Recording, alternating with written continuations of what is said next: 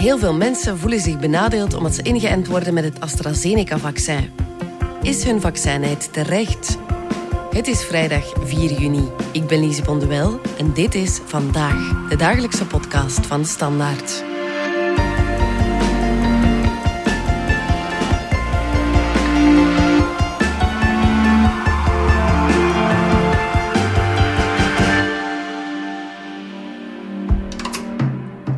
Ga gewoon het eerste vaccin pakken dat ze mij aanbieden. Maakt niet uit wat ze er nu over aan het zeggen zijn. Ik wil gewoon feesten deze zomer en na de zomer. That's it. Ik vertrouw de wetenschap en ik zou zeggen, als zij het vertrouwen, dan zou ik het nemen. Ik zal mij niet laten vaccineren met het uh, AstraZeneca-vaccin. Uh, vooral omdat het ook niet wordt toegestaan door de overheid uh, om mijn leeftijdscategorie te laten vaccineren met het AstraZeneca-vaccin. Ik heb in het verleden al eens een trombose gehad. Um, dus ik zou mij al met AstraZeneca laten vaccineren. Maar momenteel zou ik het dus niet doen, gewoon omdat mijn vaatspecialist dat heeft gezegd. Dries Smet, wetenschapsredacteur. Ja, de liefde voor het AstraZeneca-vaccin is de voorbije maanden flink bekoeld. In die mate dat ja, mensen zich benadeeld voelen zelfs als ze dat vaccin krijgen. Waarom is dat eigenlijk? Ja, er is zeker vaccinnijd. En niet alleen tussen mensen die wel en niet gevaccineerd zijn, maar ook tussen het soort vaccin dat je krijgt. Ja. En ik denk dat AstraZeneca een slechte naam gekregen heeft om drie redenen. Eén, mensen denken dat dat vaccin minder goed werkt. Ja.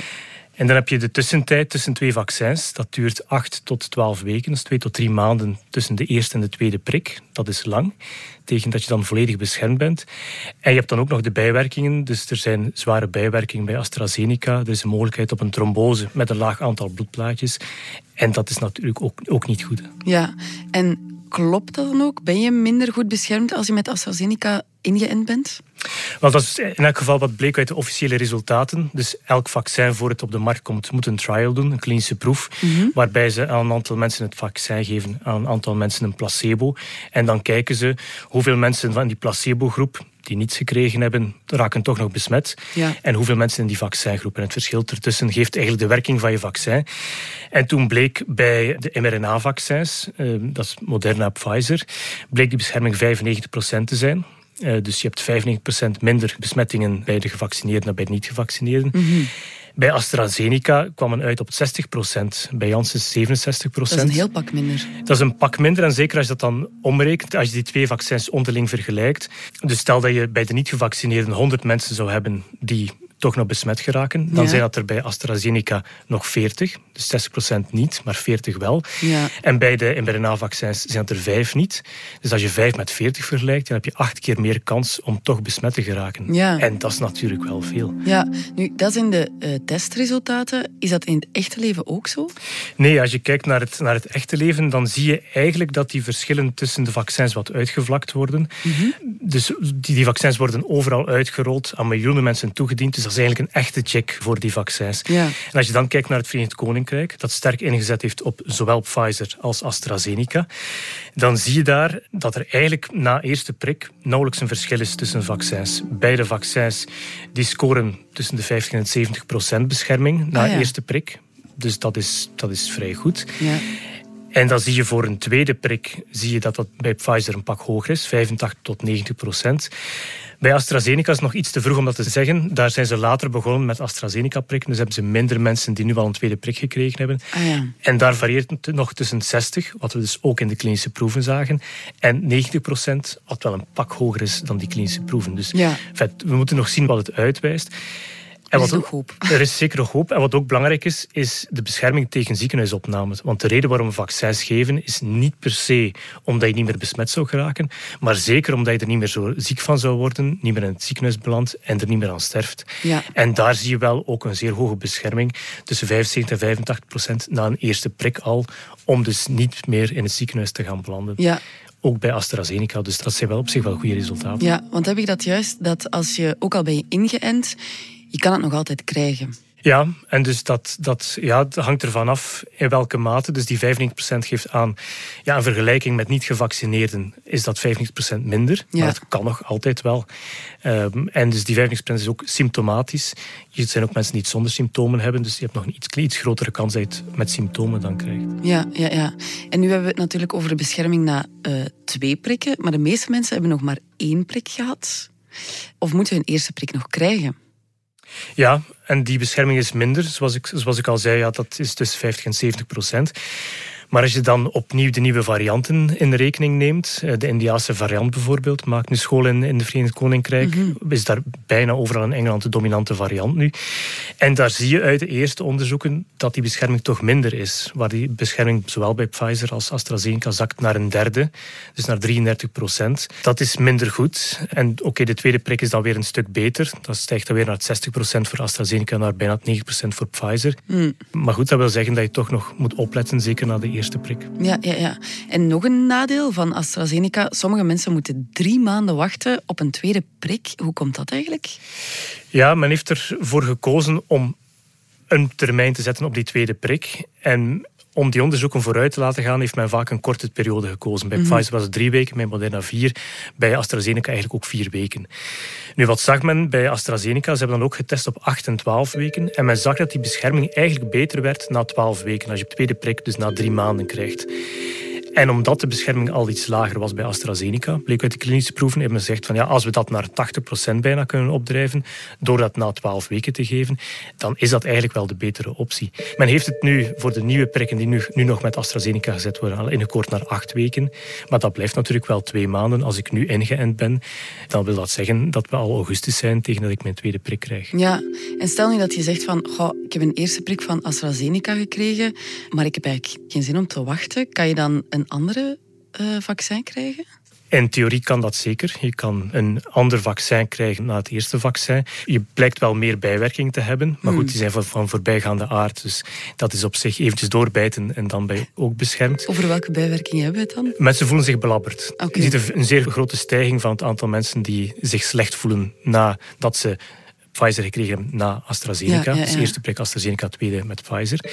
En men ziet eigenlijk dat die antistoffen zelfs beter zijn dan na twee prikken AstraZeneca. Nu, je moet wat opletten met antistoffen, maar dat vertaalt zich niet automatisch in bescherming in de praktijk, want het hangt niet alleen van antistoffen af. Maar het is wel een indicatie dat je immuunsysteem goed reageert, zoals we eigenlijk dat verwachten. Mhm. Nu, dat is de theorie, het kan, en men zal dat misschien ook moeten doen, want op een gegeven moment zullen we stoppen met AstraZeneca, omdat Europa beslist heeft om dat niet langer aan te kopen. Maar men moet het ook toestaan. Dus in België heeft men gezegd, we behouden ons aan het schema. Als je eerste prik AstraZeneca gekregen hebt, dan krijg je ook een tweede prik met dat vaccin. Andere landen hebben gezegd, we gaan dat niet doen. Mensen die al een prik krijgen, bijvoorbeeld in Duitsland, onder de 60 jaar, zegt men, tweede prik, krijgt men een Pfizer. Denemarken en Noorwegen zijn gestopt met AstraZeneca, zeggen een tweede prik, krijg je dan een mRNA-vaccin. En dus in principe kan dat, maar ja, een land moet het ook willen toestaan en dat is voorlopig bij ons niet het geval. Als we eens kijken naar de bijwerkingen. The reported cases of unusual blood clotting following vaccination with the AstraZeneca vaccine should be listed as possible side effects of the vaccine. Based on the current available evidence, specific risk factors such as age, gender, or previous medical history of, of clotting disorders have not been able to be confirmed, as the rare events are seen in all ages and in men and women. Je hoorde Imer Koek van de EMA. Zij stelt nog eens duidelijk dat bloedklonters een mogelijke bijwerking zijn van AstraZeneca. Hè? Mm Ja. Men heeft daar onderzoek naar gedaan en men heeft het mechanisme proberen bloot te leggen. En dan blijkt dat dat het wel aannemelijk is dat er een oorzakelijk verband is. Dus dat vaccin zorgt voor die aandoening. Dus dat is een trombose. Dus een heel specifieke trombose, trombose in de hersenen, gecombineerd met een laag aantal bloedplaatjes. Wat een, een zeldzaam fenomeen is. En het feit dat dat voordoet in die mate na vaccinatie toont al dat er iets aan de hand is. Daar is wel een risico inderdaad op die bijwerking. Mhm. Is het dan nog wel verantwoord om AstraZeneca te blijven toedienen? Wel, de EMA heeft daar een analyse over gemaakt. Dus ze hebben van alle landen gevraagd ja, wie heeft hier bijwerking gekregen en hoeveel mensen hebben het al gegeven. En dan een opdeling gemaakt per leeftijdsgroep. Want je hebt risico op een bijwerking Ook al gaat dat om een risico van, dat scheelt per leeftijdsgroep, dan gaat het van 1 tot 40.000 tot 1 op 250.000. Maar aan de andere kant heb je ook het voordeel van het vaccin. Door het vaccin toe te dienen, ook al werkt dat vaccin niet perfect, maar vermijd je wel ziekenhuisopnames, vermijd je overlijdens. En dus elk vaccin dat toegediend wordt, heeft ook een voordeel. En die risico's kan je tegenover elkaar afwegen. En dan heeft de EMA gezegd, voor alle leeftijdscategorieën, bij de huidige circulatie zien we eigenlijk een voordeel van het vaccin. Dus we laten het vaccin toe voor alle leeftijdsgroepen. Ja, maar kunnen we dan niet beter kiezen voor uh, de andere vaccins, waarbij de baten veel hoger liggen? Ja, en dat is eigenlijk de echte afweging. Want de afweging is niet, moet je AstraZeneca krijgen of niet? Ja. De afweging kan dan zijn, ja, moet je AstraZeneca nu krijgen? Dat vaccin is beschikbaar. Of moet je later een mRNA-vaccin bijvoorbeeld krijgen? Mm -hmm waarvan we weten dat die bijwerkingen er niet zijn. Ah ja, dus die hebben geen enkele bijwerking? Die hebben ook bijwerkingen. Je hebt milde bijwerkingen, maar ook ernstige bijwerkingen. Je ziet bijvoorbeeld bij Pfizer is er een grotere kans op anafylaxie. Dat is een ernstige allergische reactie. Um, en we zien bij Pfizer dat dat bij 1 op de 100.000 is. Dat bleek uit de resultaten uit de VS. Er zijn ook mensen die daarvoor moeten opgenomen worden op intensieve zorgen. En dus ook de reden waarom je na een vaccin een kwartier moet wachten, omdat het meestal snel na toediening optreedt. Mhm. En dan kijkt men, treedt dat niet op. Ehm, en is dat binnen een kwartier, dan is men daar onmiddellijk bij en kan men dat behandelen. Ja. En je hebt ook andere bijwerkingen die men nog onderzoekt. Uh, myocarditis bijvoorbeeld. Dat is een ontsteking van de hartspier. Ja, bon, je hebt bijwerkingen, men onderzoekt dat, maar men denkt dat dat niet in die mate is dat dat zo ernstig is dat men dat ook in de bijsluiter moet opnemen wat men wel gedaan heeft bij AstraZeneca en ook bij Janssens vaccin, dat staat nu in de, in de bijsluiter dat er een, een risico is, zodat artsen dat ook weten dat het kan voorkomen. We zijn zo terug na de reclame. Je overweegt een elektrische of hybride wagen? Luister dan naar Plan Elektrisch Rijden. Een podcast waarin actrice en Joe DJ Elke van Mello... Ik ben weg. ...op onderzoek gaat. We horen helemaal niks. Experts van Hedin Automotive, de grootste dealergroep van Mercedes-Benz in België, geven antwoorden op jouw maat. Strikt genomen geef je geen gas, maar stroom. Maar zeg maar gas geven. Luister naar Plan Elektrisch Rijden. Oké, helder. Merci. Driese Smet, wetenschapsredacteur. Je zei ook net uh, van het is een beetje de keuze maken tussen nu AstraZeneca krijgen of langer onbeschermd zijn en dan wachten op een mRNA-vaccin. Hoe maak je die afweging? Wel, in principe kan je beide risico's berekenen. Je kan bekijken wat is het risico van de bijwerking van het vaccin en wat is dan mijn risico op overlijden of dat ik op intensieve zorg beland door die bijwerking. Mhm. En die afweging hangt eigenlijk sterk af van zowel geslacht als van leeftijd. We weten dat leeftijd en geslacht een belangrijke risicofactor zijn bij COVID-19. Hoe ouder je bent, hoe groter de kans dat je overlijdt na een besmetting. En ook voor vrouwen is de kans veel minder groot. Dus je ziet als je kijkt naar de overlijdens dat er bijna dubbel zoveel mannen zijn als vrouwen die overleden zijn per leeftijdscategorie. Dus man zijn is een risicofactor. Wat dat wil zeggen dat langer wachten voor een man risicovoller is dan voor een vrouw. Want haar kans om te overlijden is minder groot bij een besmetting. En je kan dat dus gaan berekenen. Noor hebben dat gedaan. En bijvoorbeeld bij vrouwen boven de 45, 45 tot 49, kwamen zij uit dat zo'n een vrouw in dat geval anderhalf jaar mag wachten op een mRNA-vaccin. Wat ontzettend lang is. Dat betekent dat je een heel lange periode kan wachten. Ja. Nu, als je die berekening voor België maakt, dan is dat een ander paar mouwen. En dan kom je eerder op iets in de, in de buurt van drie weken uit. Mm. Je kan dus drie weken wachten. En de reden waarom dat zo'n groot verschil is, is men in Noorwegen is de circulatie veel minder groot. Mm En dus men schat de kans op overlijden door het virus al tien keer kleiner in. Mhm. Dat is al een belangrijke factor. En tegelijkertijd, zij baseren zich op hun eigen cijfers. Zij hebben acht gevallen gehad op 135.000 inentingen na AstraZeneca. Dus acht gevallen van die trombose met trombocytopenie. Dus dat laag aantal bloedplaatjes. Wat veel is, een veel hogere incidentie dan de EMA uiteindelijk later berekend heeft. Mhm. En dat verklaart die verschillen waarom zij denken dat dat veel langer kan tegenover als je dat berekent uh, op, op basis van de EMA-cijfers. Ja, ja, ja, want bij ons ligt de leeftijdsgrens nu op uh, eh, 41 jaar. Hoe komen ze daartoe? Als men kijkt naar leeftijd, dan zie je dat uh, het risico op ernstige verwikkelingen door COVID stijgt naarmate de leeftijd uh, hoger is. En andersom zie je het omgekeerde bij die bijwerking trombose met laag aantal bloedplaatjes. Daar is de kans dat je dat krijgt net hoger als je jonger bent. Um, en dus vandaar dat men die twee afweegt en dat er op een gegeven moment een grens is waar dat risico eigenlijk niet meer te verantwoorden is op die bijwerking tegenover mhm. het risico op de verwikkeling bij het virus.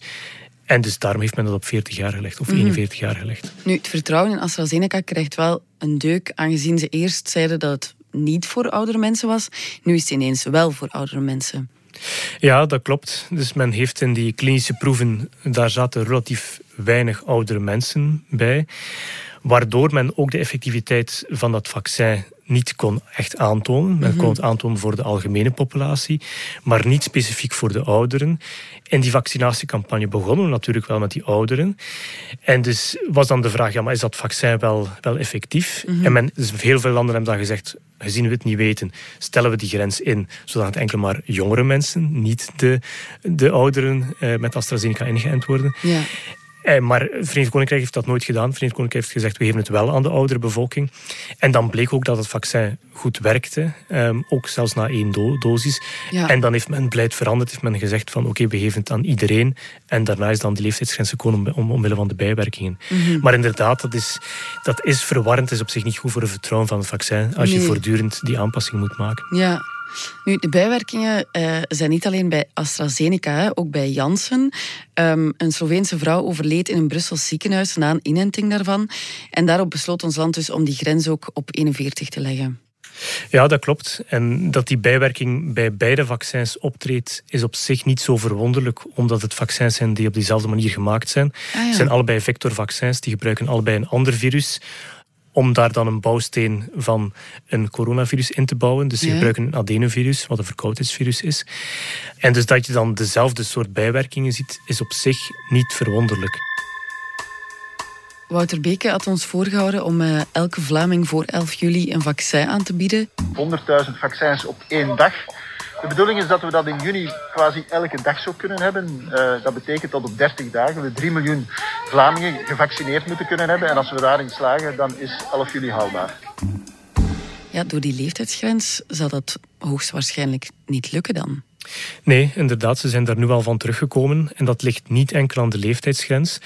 Het helpt natuurlijk niet als je dat Janssen-vaccin niet meer breed kan, kan toepassen bij jongere mensen. Want de leeftijdsgrens schuift telkens op. We vaccineren grosso modo van oud naar jong. En dus ja, nu zijn we bezig met de 60ers, 50ers, 40ers. Op een gegeven moment gaan die gepasseerd zijn. En dan kan je die vaccins niet meer inzetten die daarna nog moeten komen. En wat dan? En wat bij Janssen speelt is dat we nog veel vaccins moeten ontvangen van dat, van dat vaccin. We hebben er eigenlijk nog maar weinig gekregen. En dat heeft ook met een kwaliteitsprobleem te maken. Dus men had een probleem bij de productie in Baltimore, in de Verenigde Staten, mm -hmm. waarbij een aantal vaccins gecontamineerd zijn geraakt. Men moet die nu opnieuw gaan onderzoeken en kijken, zijn die vaccins oké? voldoen die aan onze veiligheidsnormen en kunnen we die vrijgeven. Maar op het moment dat we die gaan vrijgeven, ja, dan zal misschien die 50ers en 40ers al gepasseerd zijn. Dan zitten we aan de 30ers en 20ers. En dan kunnen we dat Janssen-vaccin niet meer gaan toedienen. Mhm. Dus dat wordt dan zeker nog een probleem om dan nog snelheid te maken. En dan zijn we eigenlijk afhankelijk van vooral het vaccin van Pfizer en die leveringen daarvan. Mhm. En is er een kans dat die leeftijdsgrens voor Janssen misschien nog kan sneuvelen? Dat zou kunnen als je kijkt naar de Amerikaanse cijfers voor die ernstige bijwerking en je kijkt naar de Europese cijfers voor AstraZeneca, dus Amerikaanse voor Janssen, Europese voor AstraZeneca, dan zie je dat die trombose toch een pak minder vaak voorkomt bij Janssen. Als je dat dan zeker per leeftijdsgroep vergelijkt. Dat risico is al kleiner, zeker bij mannen, want bij Janssen zie je daar toch een component van geslacht. Een duidelijker hogere incidentie bij vrouwen dan bij mannen. Misschien laten we dan toch eh, de leeftijdsgrens zakken. Of zeggen we, je kan het vrijwillig. Mensen die het willen, het Janssen-vaccin, en jonger zijn dan 40. Kijk, je weet wat de risico's zijn. Als je sneller wil ingeënt zijn, dan kan je voor dat vaccin kiezen. Met dan het bijkomend voordeel, in het geval van Janssen, dat je maar één prik nodig hebt om volledig beschermd te zijn. Ja, maar is dat dan wel verantwoord? Ja, nee. In, in, in die zin voor elke medische behandeling doen we dat eigenlijk zo. En laten we wel wezen, als er geen schaarste zou zijn bij de vaccins, dan zou dat ook zo zijn. Je Ja. zou waarschijnlijk ook kunnen kiezen welk vaccin je mag kiezen. En je kan dan kiezen tussen vaccin A, B, C en D met die voordelen en die nadelen van de vaccins. En dat doe je nu ook bij een behandeling. Een dokter Mhm. zegt, kijk, we kunnen het op die manier behandelen. We hebben A, B of C. Dat zijn de voor- en nadelen van elke behandeling. En dan kies je vaak in overeenstemming met de dokter voor welke behandeling je gaat. Dus dat is eigenlijk de normale procedure Ja. ehm, voor vaccins die veilig zijn of behandelingen die veilig zijn. En dat zijn ze tot nader orde nog allemaal. Ja. Maar je geeft wel een vreemd signaal waarbij je zegt van oké, niet voor iedereen, maar enkel voor wie ervoor kiest. ja, het is eigenlijk echt voor mensen die echt niet kunnen wachten en die het lef hebben om het dan toch te doen. Ja, lef, maar het is, het is een risicoafweging. Hè. En je kan zeggen, het is misschien wel een groter risico om te wachten op een ander vaccin. Dus Mhm. moet je eigenlijk dan ook opnieuw die berekening gaan maken en kijken hoeveel weken zou je moeten wachten. Ja. En als ik dat nu uitreken voor bijvoorbeeld een man in de 30, ja, die moet dan binnen de week een mRNA-vaccin krijgen om bij de huidige viruscirculatie een kleiner risico te hebben. Ja. Dus dat is niet per se lef hebben, dat is denk ik gewoon, ja, moet je de berekening maken en dan blijkt dat een Janssen-vaccin misschien wel de betere optie Ja. is. En heb je eigenlijk als patiënt het recht om te kiezen welk vaccin je krijgt? Of... Eh, op dit moment is dat de enige optie die je hebt. Kiezen tussen ik krijg het vaccin wel of niet. Mm. Bij ons kan je niet vaccin shoppen, toch niet in Vlaanderen. In Brussel kan je dat in beperkte mate. Hmm. Waarbij ze dan ook wel zeggen, ja, als je die keuze maakt voor het een of ander vaccin, we weten niet of dat beschikbaar zal zijn, maar je kan voor, voor een stukje kiezen in Brussel. Dat heeft men toegelaten, ook omdat men zag dat er veel meer vaccinweigeraars zijn. In Vlaanderen kan dat niet. Of voorlopig niet, moeten we zeggen. Ehm, dus je kan geen vaccin kiezen, je wordt een vaccin toegewezen. Je zegt ja of nee. Maar op een gegeven moment zullen we vaccins over hebben. En dat zal niet zo heel lang duren. Waarschijnlijk tegen augustus, september, zeker in het najaar, hebben we vaccins over. Hebben we er te veel. Ja, en dan zal waarschijnlijk wel een vrije keuze mogelijk zijn. Ja, en zullen we AstraZeneca ook op een bepaald moment vrijwillig aanbieden? Waarschijnlijk niet. ehm, omdat je één met die zwaardere bijwerkingen zit, vergeleken met het Janssen-vaccin. Maar ook, en dat is eigenlijk de reden waarom men het zeker niet zal doen, is die langere tussentijd. Je hebt acht of tot twaalf weken. Mm. En dat is een groot nadeel bij, bij dat vaccin, ook operationeel. En dus daar, daarom zal men eerder het Janssen-vaccin toelaten om, om vrijwillig te kiezen dan het AstraZeneca-vaccin.